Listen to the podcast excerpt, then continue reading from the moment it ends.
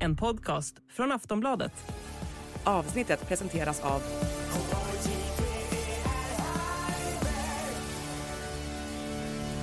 Stödlinjen.se, åldersgräns 18 år. Hej och välkommen till Höjd beredskap. Podd från Aftonbladet Ledare. Idag pratar vi om överbefälhavarens militära råd, om NATO och om varför Putin egentligen ska ha en kyrka i Västerås. Välkommen! Vår beredskap är god.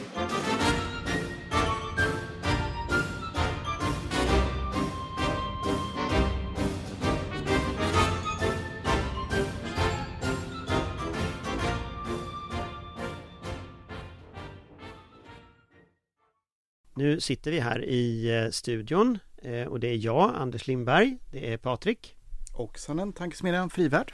som ska prata i micken och så är det Johan Viktorin, VD Intil. och Amanda på länk från soliga Södern. Nej, det är inte alls soligt idag faktiskt. Vi har till och med fått snö. Men Amanda Wollstad, Svensk Tidskrift. Har ni snö? Det skulle Vi vi aldrig snö. ha i Stockholm.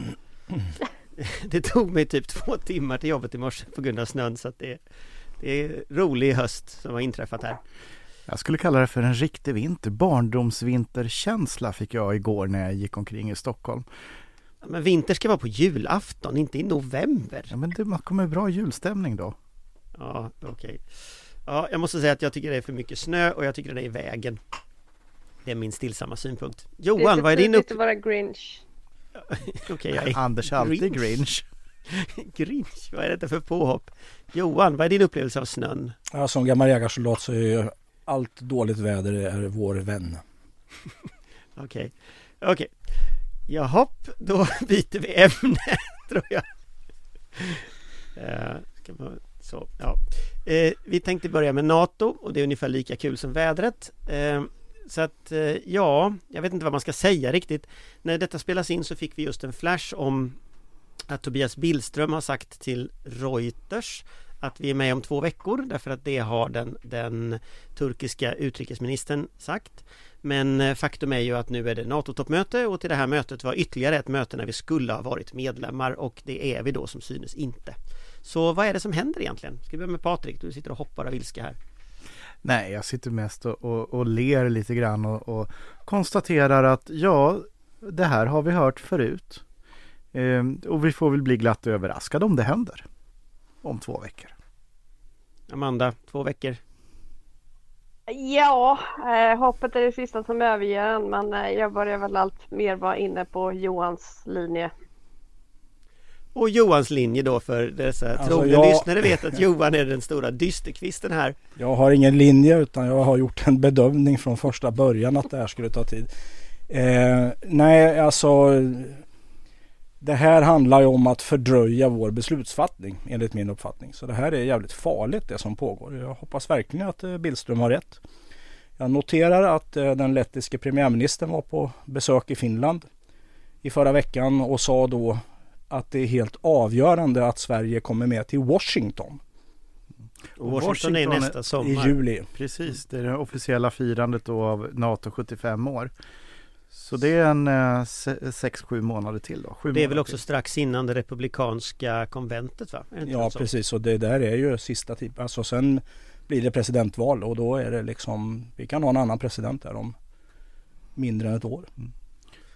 Men om man tittar på, du, du har ju från början förutsagt, när, när vi andra satt här och trodde att det skulle bli 2022 så sa du att det blir 2024 och sen har vi andra suttit och sagt att vi tror att det blir 2023 och du har sagt 2024 Nu är 2024 om en månad Mm. eh, Nu är det två veckor så då kanske vi får rätt ändå Mm. eh, Vad skulle du säga oddsen är att utrikesministern har rätt och vad är oddsen att du har rätt? Ja, det vet jag inte. Jag tror att det är troligare att det dröjer. Så du vidhåller att det är Ja, 2024? Ja. För, för vi hamnar ju i en väldigt farlig situation. Om vi tar det här som jag sa med, med, med Republikanska konventet Mm. så är det ju faktiskt så att redan i till sommaren så är ju USA inne i en valcykel Mm. där och det är ju inte bara presidentvalet utan det är ju också en del av senaten, det är ju hela representanthuset så det betyder ju också att många andra kommer att hinna positionera sig under våren. Hur kommer våren att se, om, om vi antar att det här inte blir, vi tar liksom Johan har rätt scenariot. Eh, hur kommer våren i så fall se ut? Hur kommer de här frågorna att hanteras, skulle ni tro? Nej, men det är ju det som behöver hända är ju egentligen det, den grundanalysen vi har haft i den här podden väldigt länge. Och det är ju då att innan så att säga nackdelen för Erdogan blir större än fördelen att hålla på så här så kommer det hålla på så här. Det har ju varit en grund, grundförutsättning eller grundanalys. Och här blir det ju som så att eh, eh, ju längre tid det går desto större kommer frustrationen att bli bland våra allierade som vill att vi ska komma med. Och då borde det rimligtvis börja komma kostnader både för Ungern och för Turkiet. Det finns, ju, det finns ju en dimension i detta som ju eh, de flesta bedömare pekar på och det är ju det här affären med flygvapen till, till eh, Grekland och till Turkiet. Och när man pratar med sådana med experter så säger de ju att det här är någonting som hela tiden är, det pågår, men att det är också ett spel som böljar fram och tillbaka. Och där USA till exempel kan ju hota med att bara sälja till Grekland och inte ge någonting till Turkiet och det vill inte Turkiet och så böljar det fram och tillbaka. När skulle en sån affär landa, skulle ni tro? Om man får använda ett sånt uttryck om en flygaffär. Hur långt i framtiden ligger den, det slutet? Jag tror ju inte på den där förklaringen riktigt. Jag tycker definitivt att utrikesministern är helt fel ute när han nu i, i, går kväll var det han gjorde den här första intervjun hänvisar hela affären, eller alltså vårt medlemskap till den här affären. Därför vi har gjort det som är sagt i memorandumet är ju vår linje och då ska ju inte det komma in ett ytterligare moment. Det står ju inte någonstans i något avtal. Så det ska ju vi liksom hålla oss borta ifrån. Vi ska hålla oss borta från basaren. Amanda, vad tror du? Har, är utrikesministern helt fel ute som Johan säger? Alltså fel ute, man kan ju tycka att han har fel som uttalar sig om det istället för att ignorera det. Men, men det är ju, jag tror inte analysen i sig är felaktig. Jag tror, och jag har ju trott hela tiden, att det handlar om väldigt mycket annat än, än Sverige. Eh, och väldigt mycket annat än, än, Turkiet också i någon mening naturligtvis. Det finns ju sådana kopplingar också eh, där Turkiet ju har eh, lite väl vänskapliga relationer med länder som kanske har ett intresse av att Sverige inte ska gå med i NATO. Eh, men man, jag vet inte om man också kanske gör bedömningen att man sätter ett visst press på Turkiet genom offentlig förklara vad som pågår bakom kulisserna. Eller om man bara försöker förklara själv varför, varför det inte är i alla fall enbart är regeringens fel. Om, om, om vi hamnar i en situation eh, där, där vi är, börjar närma oss NATO-toppmötet nästa sommar eh, och det amerikanska presidentvalet. Om det då ser ut som att Trump tar hem nomineringen eh, så utifrån opinionsmätningar just nu så ser det ju dessutom ut som att han kan faktiskt vinna.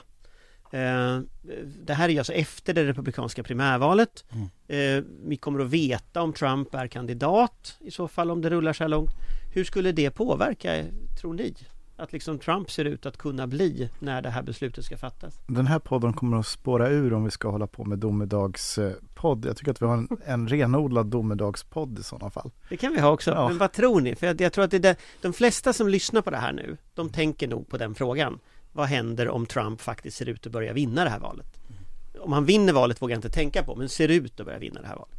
Johan? Ja men det påverkar ju naturligtvis alla aktörers agerande hur det här ser ut om man försöker positionera sig för en sån vinst utan att sälja bort sin egen handlingsfrihet förstås. Eh, ska jag säga att eh, det gäller ju också en hel del andra republikanska kandidater även då Trump inte skulle bli nominerad. Det finns besvär med de andra också när det gäller deras utrikespolitiska hållning. Eh, vad de har gett eh, uttryck för hittills i alla fall. Så att det där påverkar jättemycket och jag tror då precis som jag sagt tidigare att Q2, alltså andra kvartalet 2024 blir avgörande. Då har Erdogan klarat av sitt lokalval och amerikanerna kommer att öka pressen eh, inför det här 75-årsjubileet som är i Washington i juli nästa år. Där någonstans, det är sista tillfället. Eller sista, men det är det bästa tillfället, så ska jag uttrycka om man tittar i ett större perspektiv så, så vet vi ju då att den här historien kommer att fortsätta som en slags bakgrundsbrus i två veckor till kanske eller om ett halvår om Johan får som du tror eller vi får se. Men en sak som inte är ett bakgrundsbrus är ju den svenska planeringen. Alltså hur det svenska försvaret ska rusta upp. Och här har vi ju fått då ÖBs militära råd där ÖB delvis i alla fall går på tvärs med vad den politiska ledningen har sagt som en målsättning. Kan du berätta lite om ÖBs politiska råd Johan? Får jag bara först säga att eh, Turkiet och Ungern firar ju 100 års relationer här nästa vecka också. Det, det blir spännande att se hur det ser ut. ÖBs militära råd, ja. Jag har med domedagssaker nu. Så Nej, det var, det var inte domedagssaker. Det kanske var, var hoppfullt. kanske blir på gott humör. En faktaupplysning. eh, ÖBs militära råd. Ja, till skillnad då från alla andra råd som har lämnats. Ska vi börja med vad är ett militärt råd? Ja, men det är ju ÖBs eh, råd för hur Försvarsmakten eh, ska utvecklas och eh, närstående myndigheter finns det väl liksom lite, men det är Försvarsmaktens utformning eh, för framtiden. Den är till skillnad från alla andra gånger hittills så länge vi har levat så är den då under premissen att vi är medlemmar i NATO. Och det påverkar ju då förstås för då är det ju inte enbart vi själva, även om folk glömmer bort att det finns en artikel i NATO-fördraget som säger att man ska ta hand om sitt eget territorium och ha en försvarskapacitet. Så, så blir ekvationen lite annorlunda då. Det vill säga att vi blir ju en av då 32 medlemmar om, eh, om och när vi är medlemmar i NATO. Och eh, då kommer det påverka utformningen och kortfattat kan man väl säga att det ÖB säger är att ja men då måste vi satsa mer på luftförsvar. Vi blir liksom ett genomgångsland, ett transportland för att förstärka Finland och de baltiska staterna framförallt. Och det påverkar då hur försvaret kommer att se ut. Så att det är mera flygtungt, det är lite mer fartyg och man stannar, eller rättare sagt man senare lägger arméns utveckling eh, i den volym man har pratat om tidigare. Det är väldigt kortfattat. Till förmån för stående gripbara förband. Just det, det är bra också. Tillgängligheten ska öka då förstås. Men om man, om man då ställer frågan så här, nu har ÖB gett sitt militära råd, det blev ju lite röra i media som vi strax ska gå tillbaka till, men vad har det här för status i systemet liksom, jämfört med alla andra som tycker saker? Ja, men det här är ju tungt, det är ju liksom en myndighetschef med massor med eh, resurser som uttalar sig och som har en expertkompetens i det här. Så det är klart att det väger jättetungt vad ÖB säger förstås. Och om man tittar då på reaktionerna, Patrik, vad är liksom invändningarna om man tar det emot den här bilden som ÖB ger? Ja, alltså om vi tittar på de politiska reaktioner som kom i samband med att ÖBs militära råd gavs så var det ju politiska företrädare som har investerat en hel del eh, i politiskt då i arméns uppbyggnad, återuppbyggnad med nya regementsorter bland annat som reagerade väldigt negativt. Och då är det ju eh, Peter Hultqvist, Socialdemokraterna och Mikael Oscarsson, Kristdemokraterna som framförallt har varit ute och, och kritiserat det här. Eh, och det är ju som så att arméns uppbyggnad går långsamt. Eh, men vi kan komma tillbaka till lite, några av orsakerna sen. Men det var i alla fall de, de omedelbara reaktionerna. Amanda, vad skulle du säga? Liksom, har den kritiken fog för sig när det gäller liksom vad politikerna har sagt och vad ÖB säger? Nej, absolut inte. Alltså det sista Försvarsmakten behöver just nu skulle jag säga att egentligen alla kompetenta bedömare utanför partiväsendet eh, är överens om. Det är att starta nya regementen. Eh, regementen har ett symbolvärde i, för all del. Men i övrigt så är det, det är lokalpolitik. Eh, och det är ett, ett förlegat tankesätt. Eh, Försvarsvakten behöver arbetsro och fokusera på uppbyggnad av det som redan eh, har startat. Som, regementen i sig är egentligen ingenting, alltså det är inte en lokal försvarsgrej. Så att nej, den kritiken är, är helt ogrundad och handlar om helt andra saker, det vill säga personlig och, och partipolitisk eh, partipolitiska eh, ställningstaganden. Alltså det, det, är inte bara politikerna som har sagt att Försvarsmakten är underdimensionerad när det gäller armén eh, utan det är Krigsvetenskapsakademin. nu, tänkte jag på det här, nu tänkte jag på det här med regementen. Du tänker på regementena specifikt? Specifikt, men... att man skulle starta, precis, okej okay, då missuppfattade jag din fråga, jag ber om ursäkt.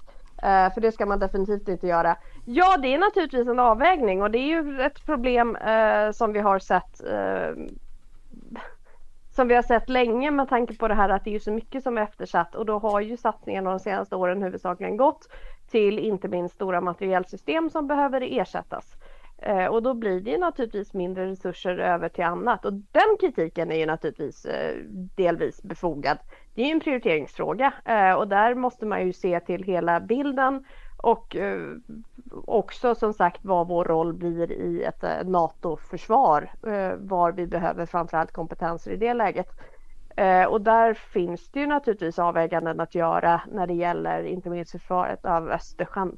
Eh, där det ju finns, kan finnas anledning att göra övervägande till förmån för flyget och, eh, och flottan. Men, men det är en svår ekvation därför att vi skulle behöva göra allting på en gång. Johan? Ja men det här med arméns storlek kontra de andra försvarsgrenarna det beror ju lite grann på vilket förhållningssätt man har då till hur man ser på det här. Å ena sidan så är det precis så som ÖB säger. Å andra sidan kan man säga att ja, ska det då tillföras resurser så är det som går absolut långsammast det är markstridskrafter och därför skulle man då eh, behöva ha mer markstridskrafter tillgängliga. Kanske då framförallt man skulle kunna tänka sig svenska förband i Finland eller i, inom de baltiska staterna också.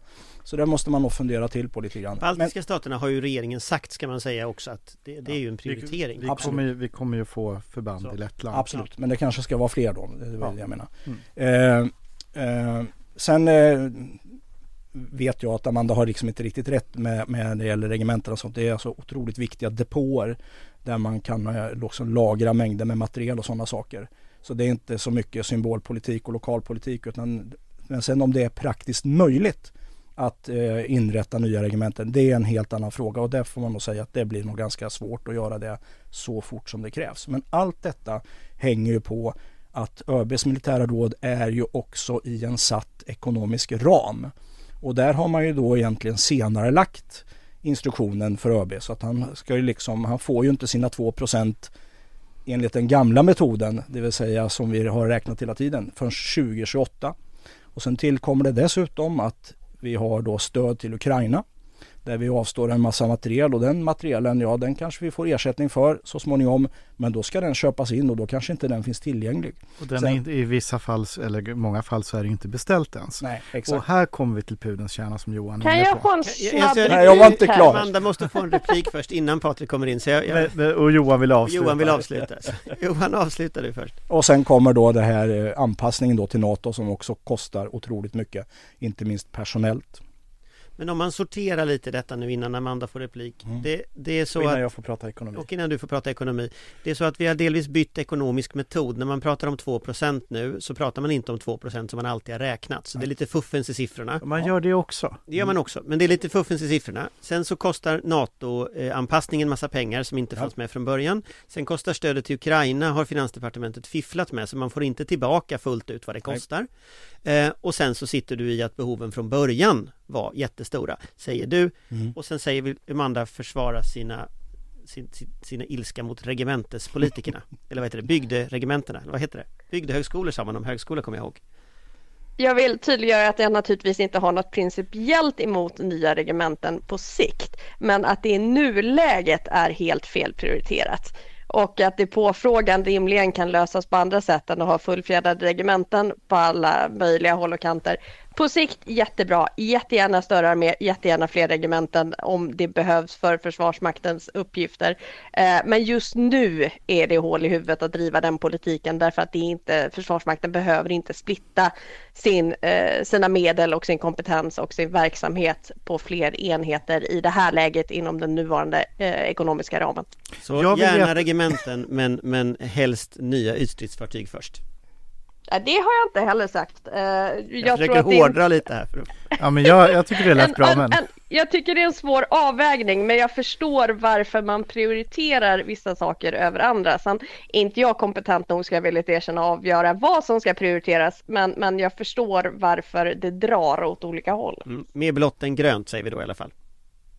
Ja, vi behöver mer allt. Pengar. Vi behöver mer, mer av allt. Ja, så. Det, ja, nu får du Ja, det, det som jag tycker är den mest centrala frågan att ställa sig när det gäller svensk säkerhetspolitik.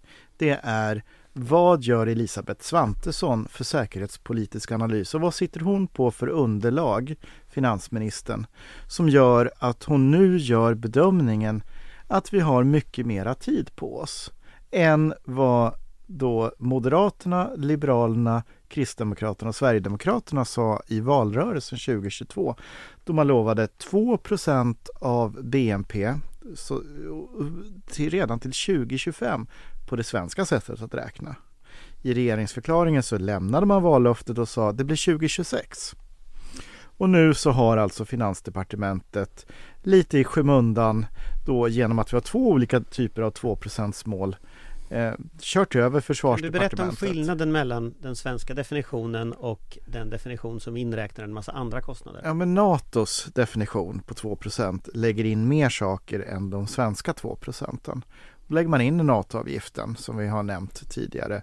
Eh, moms, pensioner, kustbevakning och sen är det lite annat smått och gott också. Jag tittar på Johan för... Fast det är väl de stora sakerna och framförallt så när vi tittar på en viktig skillnad i målet är ju pensionskostnader och just att du lägger Ja. andra myndigheter i det. Ja, Alltså kustbevakningen är ju inte försvarsmakten i fred. nej, och, och det är det som blir, blir skillnaden då. Och då har ju då finansen eh, uppenbarligen en, en gedigen genomarbetad säkerhetspolitisk analys där på budgetavdelningen som man då har Eh, då med finansens hela styrka och makt kört över försvarsdepartementet och, och eh, kanske även också utrikesdepartementet i den säkerhetspolitiska analysen och fått regeringen då till att tycka att det här kan vi ta mer tid på oss. Den i analysen tycker jag är intressant. Den tycker jag att finansministern borde liksom redogöra för. För då är ju saker och ting mycket hoppfullare än vad vi, vi låter i, i den här podden. Så då har ju vi fel. Om, om man fortsätter på det spåret du har så kan man ju konstatera att det här är inte första gången detta händer. Nej, nej, det här är en lång Utan det här är ju tradition. en tradition vi har i Ja. Sverige. Ja, ja, men vi, Anders Borg gentemot Odenberg. Eh, 2014 när Krim inträffade. Underfinansierade försvarsbeslut 2015-2020. Så Finansdepartementet har ju alltid en mycket, mycket positiv säkerhetspolitisk analys. Och vi hade levt i en mycket bättre värld om Finansdepartementet hade haft rätt. Det hade väl i princip varit lättare att sammanfatta de gånger som försvarsbeslut har blivit fullfinansierade historiskt. I övrigt så önskar man ju att vi hade fel oftare, ärligt talat. Eh, till detta hör också att eh, man ställer också krav på att Försvarsmakten och FMV ska avveckla kreditsystemet till 2027. Det här låter väldigt teknokratiskt och det är det också. Eh, förut har det varit så att eh, man kunde köra kredit 10% på materielanslaget för att kunna balansera om stora materielprojekt. Det vill säga om eh, FMV, eh, om det inte levereras en ubåt på rätt sida årsskiftet så kan det bokföras på fel år. Eh, och det har man då kunnat managera då med den här krediten och den ska också då försvinna till 2027 vilket då minskar flexibiliteten i hela materielförsörjningssystemet. Första gången jag hör det, det är helt hål i... Men då får jag bara en, en avslutande uppföljning på detta. Nu har vi nu pratat, vilket jag inledde med, att det här var då premissen att vi är med i NATO. Vad är då hedgningen i detta för att vi inte kommer med inom överskådlig framtid? Hur ser den analysen ut på Finansdepartementet? Resonerar man över det överhuvudtaget eller har vi bara grupptänk nu? Och det är det här som jag tycker är väldigt bekymmersamt att Elisabeth Svantesson kommer ju undan i det här. Och hon gömmer sig bakom två stycken fantastiskt duktiga ministrar på försvarsdepartementet som sliter oerhört som betonar att vi har bråttom, det är allvar eh, och som skickas fram med talepunkten att vi klarar 2% nästa år utifrån NATO-beräkningen så att finansen kan dra sig tillbaka. Alltså fram med Elisabeth Svantesson i Men, försvarspolitisk men får jag vara lite elak mot de ministrarna? För att jag har Ja, ju det, sett det, det brukar ju du Jo, kunna nej, vara men jag som. har ju sett den här processen tidigare väldigt mycket och då är det ju alltid så här att att det är ju trots allt statsrådsberedningen som dömer av mellan fackdepartement och finansdepartement. Och statsrådsberedningen har ju alltså konsekvent i den här processen. Jag räknade upp ett antal saker förut. Stödet till Ukraina. Då har ju uppenbarligen statsministern dömt av att nej men man får inte full täckning för det man levererar till Ukraina. När det gäller definitionen, att man använder NATO-definitionen, vilket ingen har gjort tidigare i Sverige. Det är- helt ohistoriskt. Då har ju uppenbarligen statsministern dömt av att nej, men det är så vi ska göra. Och så vidare hela vägen framåt till att man underfinansierar eh, de reformer man ska göra. Alltså, det- är ju trots allt så att då har ju de fackministrarna förlorat den striden eh, mot finansministern. Ja. Så det faller ju tillbaka på Ulf Kristersson. För det är trots allt statsministern som dömer av. Det är inte de enskilda ministrarna. Men, men kan du berätta i modern tid en enda försvarsminister som har vunnit mot finansen? Ja, jag skulle nog faktiskt säga att om du går tillbaka till, till eh, när Göran Persson hade blivit statsminister då balanserades det om. Så det kan vara så att maktbalansen behöver att det är en tidigare finansminister som är statsminister. Sen gick det inte särskilt bra då heller för då drog man ner allting. Ja. Men maktbalansen var inte så självklar. Ett antal eh, finansministrar som desavouerades fullständigt. Den vi kanske kommer ihåg mest är väl, är väl, är väl Erik Åsbrink. Eh, Men sen också Bosse Ringholm och så vidare som desavouerades Eh, fullständigt. Fast det är inte i försvarsfrågan nu är vi inne på. Utan, Nej, fast utan, maktbalansen utan, var- Utan, nu är du inne på en Nej, jag tror annan att det var typ alla frågor fast det var en annan tid då. Så att, Är vi så att jag säkra på tror- att detta hade att göra med att Persson hade varit finansminister och inte bara att Ja. Persson var Persson? Nej, jag tror att det hade att göra med att han var finansminister. Jag tror att det hade att göra med att finansministern har järnkoll. Och jag skulle nog faktiskt vilja säga också att när Magdalena Andersson som var tidigare finansminister satt den korta perioden så det går inte att se så mycket så hade Peter Hultqvists inflytande nog aldrig varit större. Eh, faktiskt. Men där, Eh. där blev det ju plötsligt möjligt med 2 och det var ju då överenskommelsen kom då efter Rysslands förnyade angrepp 24 Absolut, jag februari. bara säger det att det och finns var två ny- exempel ny- under ja, historien. Ja, men, men där, Det är där, var ju, där var ju den, en, en kort chockvåg i det svenska systemet. Plötsligt var det helt omöjliga, någonting som man bara kom överens om över natten och så sa man så snart som möjligt. Och sen har Finansdepartementet jobbat sig tillbaka i matchen och tagit Jag comeback. håller helt med om det, men jag bara säger att du frågade efter exempel och det är mina två exempel som jag har. Johan, Sen får vi ju inte glömma bort heller att allt detta sker ju i en situation där det förstörs eh, el och datakablar i Östersjön. Det slussas eh, tredje länder migranter mot den finska gränsen. Eh, JEF, eh, samarbetsländerna inom NATO i norra Europa kan man säga för att sammanfatta det kort, ska operera med 20 örlogsfartyg i Östersjön. Ehm, Vi har ett läge i Ryssland där man har presidentval i mars och man har ställt om sin, sin eh, eh, rustningsindustri och sin ekonomi till krigsekonomi. Så att det är ju ganska vågat att eh, göra den här analysen får man ju säga verkligen. Men- Jag men är ju man- inte med på den banan. men om man, om man säger att den analysen som regeringen nu gör är fel och jag vill fortfarande peta upp den till, till statsrådsberedningen. Eh, om man gör den analysen där, om man ska göra en annan analys och så säger vi att man faktiskt ska finansiera detta till 20 till nästa år som ju var löftet. Nu vet jag inte om det, det hinns med nu, det går ju inte liksom. Men, men om man tänker liksom hypotetiskt. Hur skulle man göra för att få mer pengar nu med tanke på det säkerhetspolitiska läget? Vad skulle man praktiskt kunna göra åt det? Du menar att vi ska lösa budgeten åt finansministern? Vi kan ju komma med små tips. Jag kan ju komma har ju med ett, ett tips som ju, Ja, som vi, är, vi, vi har ju beredskapskrediten. eh, Precis. eh, Precis. på, på vad är det, 40 miljarder. Eh, så det är väl bättre att använda den innan vi har gått över i krig. Eh, om vi vill få någon effekt på pengarna. Jag tror faktiskt att jag har lärt mig lite grann det att det är inte riktigt så den är tänkt att användas. Nej, men Men jag tror man får nog ta och tillföra pengar helt enkelt. Man får låna pengar. Vad vad jag är ute efter är ju att man helt enkelt tittar på storleken på statsskulden och så konstaterar man att storleken på statsskulden har inte varit lägre i modern tid. Och konstaterar att det säkerhetspolitiska hotet har inte varit större i modern tid. Och då tycker jag att det finns en uppenbar lösning, nämligen det att man faktiskt lånar upp pengar och gör de här stora investeringarna över hela linjen som man behöver göra nu. Och så får man ju betala tillbaka det sen naturligtvis. Men, men det säkerhetspolitiska hotet kommer ju att öka dramatiskt de kommande åren om Ryssland fortsätter som de gör. Och vi kan se till exempel Trump hända eller vi kan se vi såg Gert Wilders bli största parti i Nederländerna nu. Vi vet inte vad som händer i nästa franska presidentval. Alltså riskerna är jättestora i systemet och det tar lång tid att bygga upp. Så att, att låna nu för investeringar borde inte vara en orimlig hållning. Jag kanske minns siffran fel. Jag tittar på Johan som brukar ha koll på siffror här. Eh, att den ryska, eh, Ryssland lägger 39 procent av statsbudgeten på, på, eh, Korrekt. på försvar militär. 39 procent av statsbudgeten. Det är vår dimensionerande eh, Ja, men vi är inte ensamma i hot. och för sig. Vi har ju Nej, men, det, det, men, men, men eh, titta då på vad den ryska, Ryssland gör med sin, sin ekonomi, sin krigsekonomi, gör en krigsekonomi, eh, produktion. Eh, EU lovade en miljon granater till Ukraina. Eh, går det bra? Går det fort? Får vi ordning på det?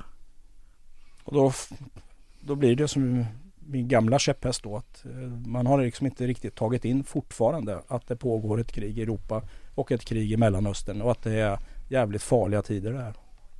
Nej, och det är Man där, har- där, Ursäkta att jag svor. Ja, och det är där Elisabeth Svantesson kommer undan. Och du har absolut rätt. Ytterst ansvarig är statsministern.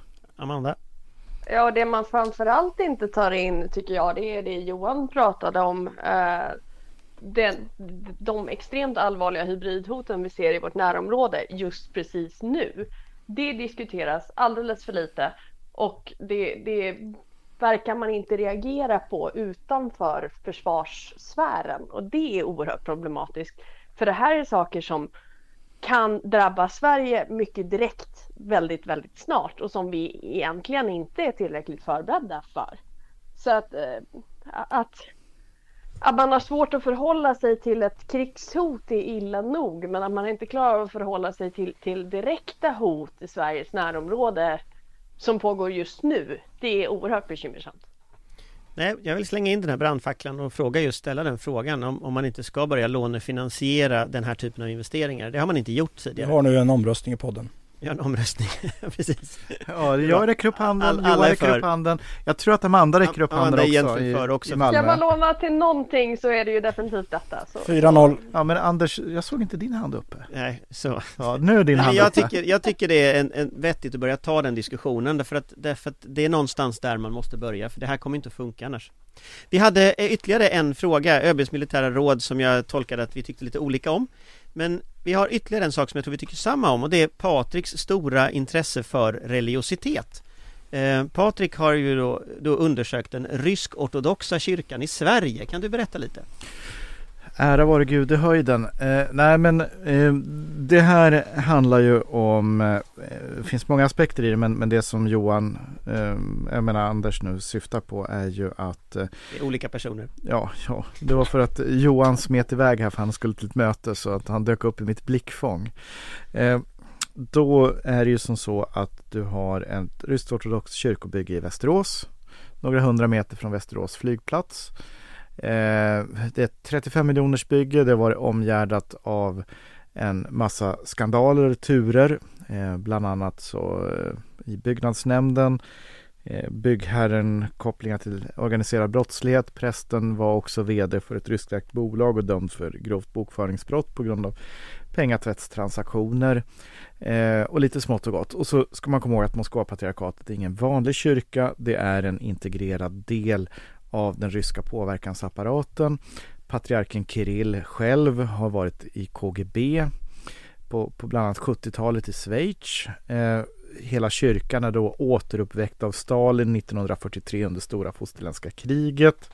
I Ukraina så har man varit väldigt aktiv på, för att då genomföra Rysslands imperiekrig förutom påverkan och underrättelse bland annat brutet mot bikten så, så finns det exempel på kyrkor som används som vapengömmor, eh, förläggningar och så vidare och så vidare.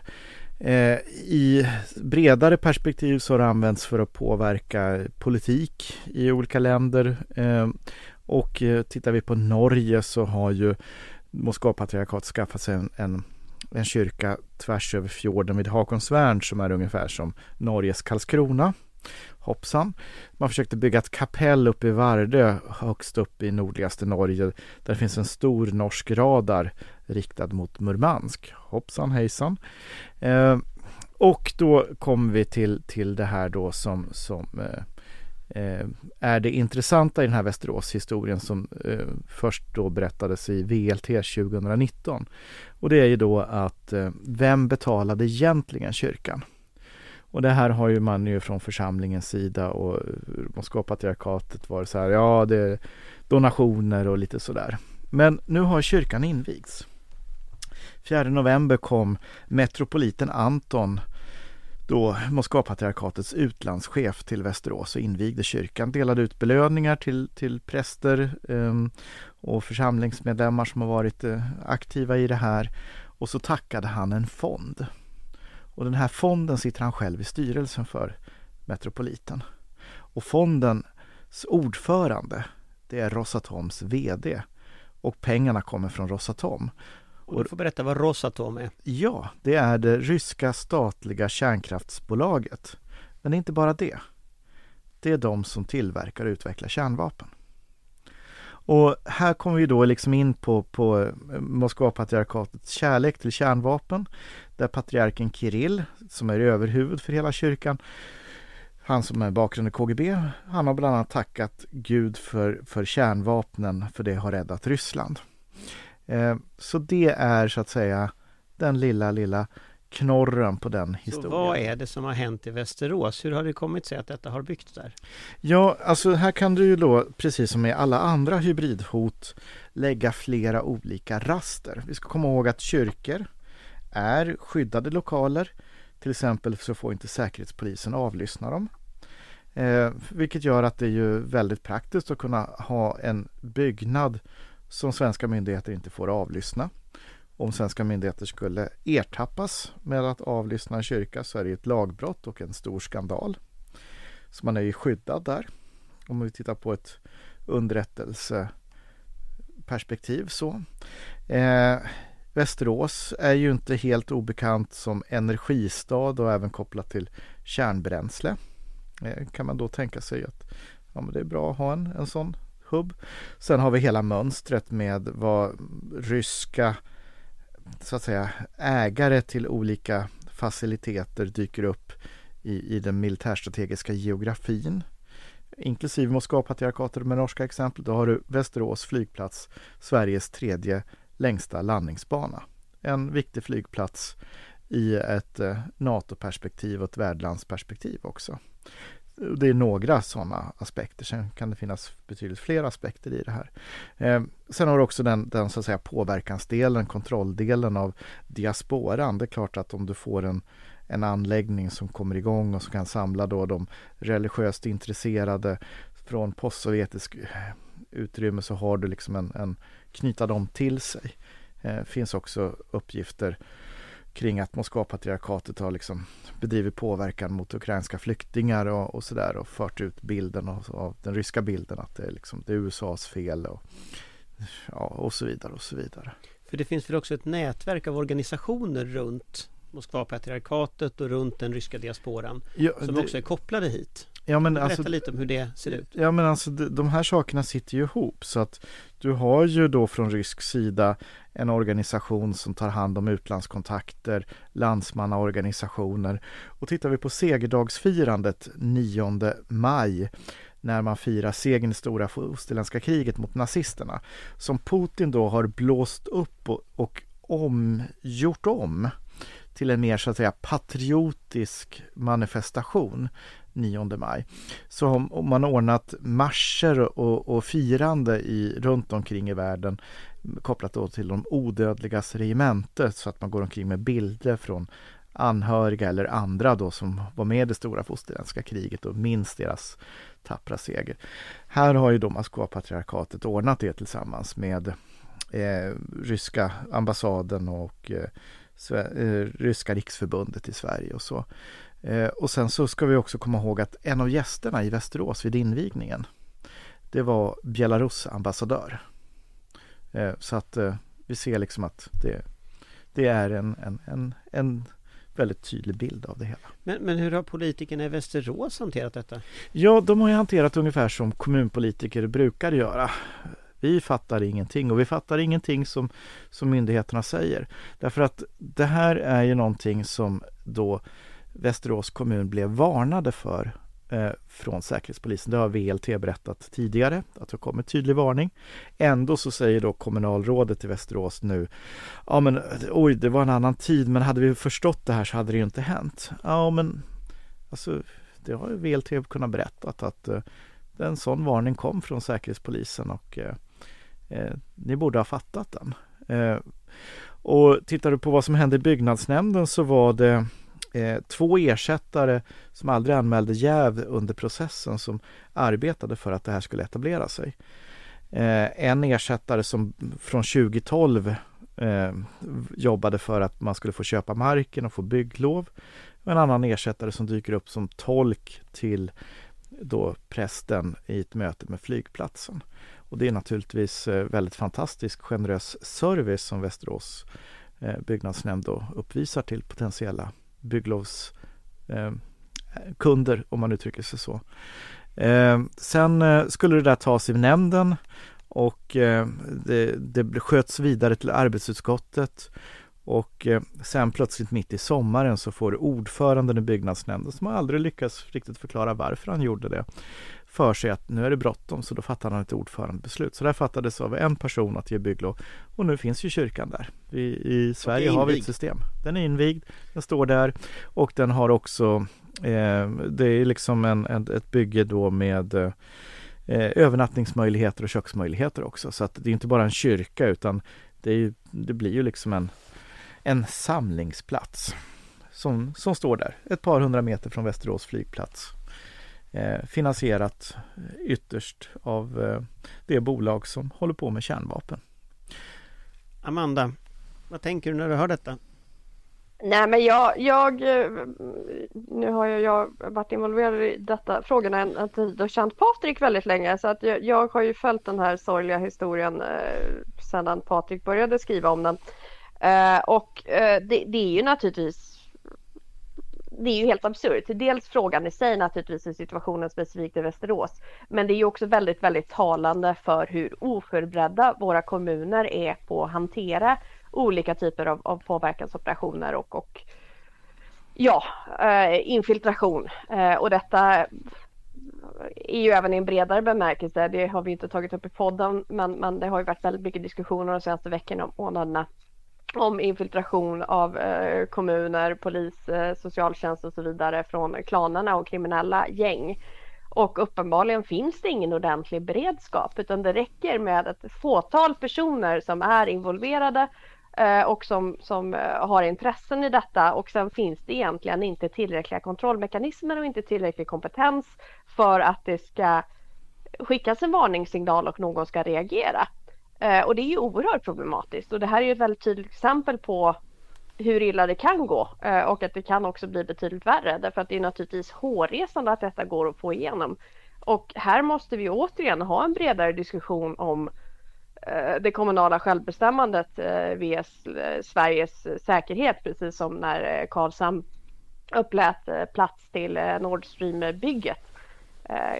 Kan, ska verkligen enskilda kommuner må hända utan tillräcklig kompetens och, och eh, insyn i ämnet verkligen kunna fatta beslut som faktiskt direkt hotar rikets säkerhet. Vilket det ju här gör när vi i princip i ett skymningsläge har förläggningsmöjligheter i närheten av en flygplats eh, som används i liksom, de här sammanhangen. Det är ju, det är ju fullständigt hårresande. Vi har ju en annan flygplats som, som, eh, och ett annat fall som var nämnt tidigare i podden och det är ju Torsboda industripark där ett kinesiskt eh, eh företag då som ska göra anod till batterier ska etablera sig in till Midlanda som en, en beredskapsflygplats och också utpekad av den ryske generalstabschefen Gerasimov som strategiskt viktig eh, vid en dragning i, i Moskva eh, också. Och eh, det som har hänt där, bara som illustrerar det här som Amanda säger, var ju förra veckan då Timrås säkerhetsskyddschef eh, sa upp sig från jobbet med hänvisning till att eh, hon kunde inte vara lojal både mot kommunledningen och säkerhetsskyddslagstiftningen och, eh, och ytterst då, då, då liksom eh, Sverige. Eh, så att eh, då valde hon att sluta. Vilket ju hedrar henne. Men, men det säger ju också någonting om hur absurd situationen är. Att även när det finns kompetent folk på plats så blir de inte lyssnade på. Alltså, vi har ju pratat om det här så många gånger, den här liksom sense of urgency som uppenbarligen fortfarande helt saknas på så många platser i offentlig förvaltning. Att man förstår inte alls vad det är som är på väg att hända, vad som riskerar att hända. Um, och det gör mig orolig på riktigt. Men det, men det jag tänker på är liksom, för det här är ju en historia som man vet ju inte riktigt vad som, vad det här leder till och vad det får för, liksom, vad det har för konsekvenser idag och så. Eh, det får vi ju återstå att se. Eh, men det är ju ett mönster som finns av eh, att man inte förstår eh, hur, hur, världen ser ut. Utan man tittar på sin lilla ruta och så håller man sig till den lilla rutan. Det finns ju massa exempel eh, kopplat till det. Eh, och, och, där tänker väl jag liksom just det psykologiska försvaret, alltså var hur man prioriterar det, hur man pratar om det, hur man diskuterar det, att det är någonting som man som kommunpolitiker till exempel frågar eller att man, man tar reda på. Nu har de blivit varnade, vilket naturligtvis är jätte, jättelångt gående här, men, men det finns ju massa andra exempel. Ja, vi har ju Karlshamn också som ett exempel. Där- Karlshamn där- är ju också ett där, extremt där, där exempel. vi kan säga att de blev ju varnade och hade möten offentligt. Och blev en nationell skandal av alltihop, Ja, med hela rikspolitiken För de som apelsin till staten. Jo, nej men det blev ju liksom Det, det blev ju stort men, men just att, som, att utgångspunkten är att man själv bildar sig och har koll eh, Det är ju någonstans där det måste börja Det, det kokar ju ner till ett medborgaransvar. Eh, alla vi har ett ansvar eh, tillsammans och, och det måste man vara med och ta på alla nivåer. Och man kan inte bara sätta armarna i kors eh, och säga liksom ja men om jag inte ska göra det här så förbjud mig då. Ehm, ja, Det var väl i princip det de sa i Karlshamn Ja, och det är ju i princip det som, som eh, till exempel Timrå har sagt i offentligheten och i praktiken det som gjordes i Västerås. Eh, och vårt system, vår samhällsmodell eh, och eh, eh, Oxenstiernas förvaltningsmodell och, och eh, regeringsformens garanti för kommunalt självstyre. Det bygger inte på det. Nej. Men man kan väl som avslutning säga att det finns ju positiva exempel på folk som har gjort något åt saker och ting som har hänt. Ett positivt exempel var ju Bahnhof Som för en tid sedan upptäckte att någonting eh, Eh, en, grupp, en kinesisk grupp från, från eh, någon statlig eh, organisation ville börja inspektera bunkrar i Stockholm. ja, ni hör ju. Men det var ingen som reagerade mot det utom Bahnhof som började ställa frågor om varför ska de här personerna inspektera bunkrar i Stockholm? Och Bahnhof skickade sen ut ett, ett, ett meddelande eller bunkrar, bergrum är det ju, men de skriker, rubriken på bergrummet är Kinesiska staten vill inspektera svenska bergrum, Bahnhof stoppar besök i datacenter. Och det krävs liksom en aktivt tänkande ledning för företaget för att konstatera att det här är ju helt åt fanders, vad är det som händer? Och sen kontaktar man ju Säkerhetspolisen och sen så blev det inte så mycket mer eh, bunkerbesök för den där delegationen. Men liksom, det finns ju positiva exempel på folk som gör saker. Så man kan väl säga, vad som Bahnhof var inte som Västerås. Det är väl en sammanfattning. Eh, det var allting jag hade på min lilla lista idag. Någon mer som vill säga något klokt? Annars kanske vi tackar för oss. Ja, det finns ju mycket klokt man skulle kunna säga. Men, men, men jag, jag, jag vill skicka liksom en, en, en, en, en, en, en anmodan till, till dig som lyssnar. Våga prata med dina närstående på jobbet eller hemma om vilken tid vi lever i och vad det kräver av oss. Ja, jag tror det är jätteviktigt. Det, det... Vi måste få till en bredare insyn om vad det är som är på väg att hända och vad som kan ske väldigt, väldigt fort om man tittar nu på operationerna mot Finland eh, och så vidare. Eh, undervattenskablar och annat. Eh, det, det är ett eh, jag vet inte vad man ska säga längre för vi har tjatat om det här så länge. Det är på riktigt nu. Det är ett allvarligt försämrat säkerhetsläge. Allt det där har man ju hört till leda. Men, men det är dags att steppa upp ytterligare ett steg nu och ta sitt ansvar även som individ. Och kom ihåg, vi ger aldrig upp. Nu har Patrik fått ha två dramatiska avslutningar och Amanda bara en. Vill du också ha en dramatisk avslutning Amanda? Nej men det blir jättebra. Nu försvann ni ett ögonblick här. Nu så här. Nej men vi, precis detta är, jag kunde inte instämma mer med, med Patrik. Eh, Alla meddelanden om att motståndet ska upphöra är falska. Tackar vi för oss för den här gången. Vi ses om två veckor. Hej hej!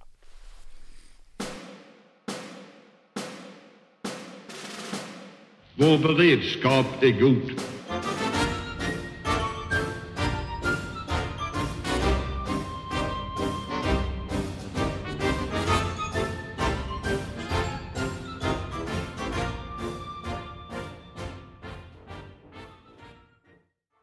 Du har lyssnat på en podcast från Aftonbladet.